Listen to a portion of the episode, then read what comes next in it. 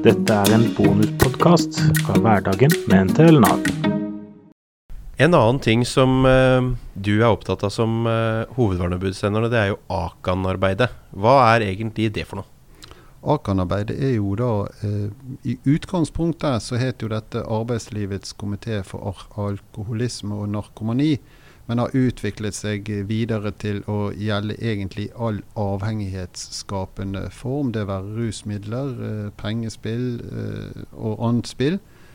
Og, og, da ser vi jo da at uh, i, i, vi har lite saker av det i Nav som vi får frem, men vi har jo en stor arbeidsstokk, så vi vil tro at det er en del eksempler der. Uh, hovedverneombudene ute, og for så vidt sentralt hovedverneombud, vil jo også være en Aker-kontakt. Og uh, vi har jo sett at flere av disse verne, hovedverneombuds- og vernesamlingene har tatt opp Akan-problematikken. Så det er litt forunderlig at vi egentlig ikke har uh, flere saker som kommer frem. Uh, det er jo kanskje ikke det mest populære å snakke om, men at det må finnes tilfeller der uh, slik atferd, avhengighet, skaper utfordringer for arbeidslivet, arbeidet i Nav, det tenker vi er viktig.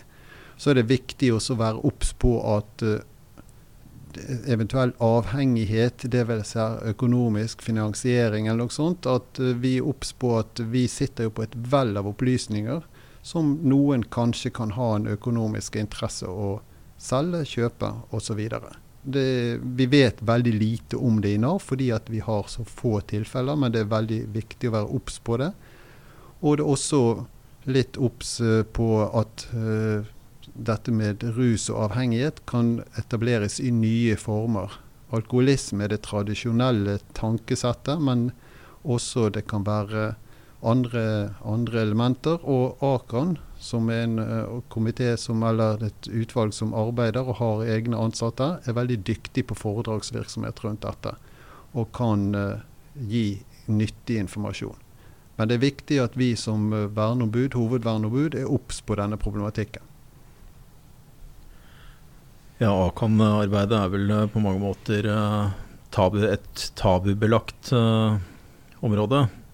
Og det er ikke noe man snakker veldig mye om i etaten. Men det vil være naivt å tro at uh, i en etat med så mange ansatte, at det ikke finnes relativt mange som lider av avhengighet til rusmidler, alkohol osv. Men jeg syns også det er viktig å påpeke det som etter hvert har blitt et fokus for Akan-arbeidet, nemlig dette med spilleavhengighet.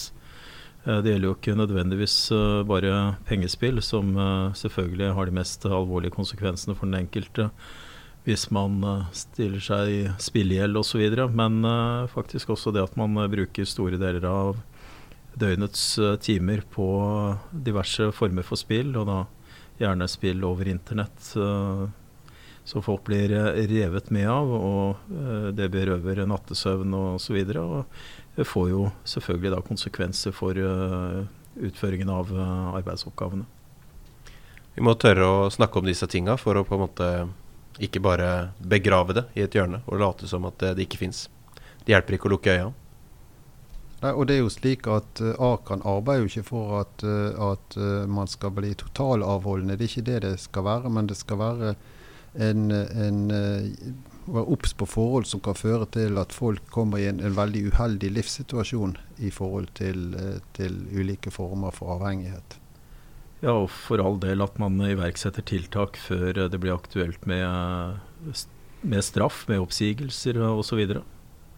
Ja. Det er en del av arbeidsgivers ansvar, det òg. Absolutt. Ja.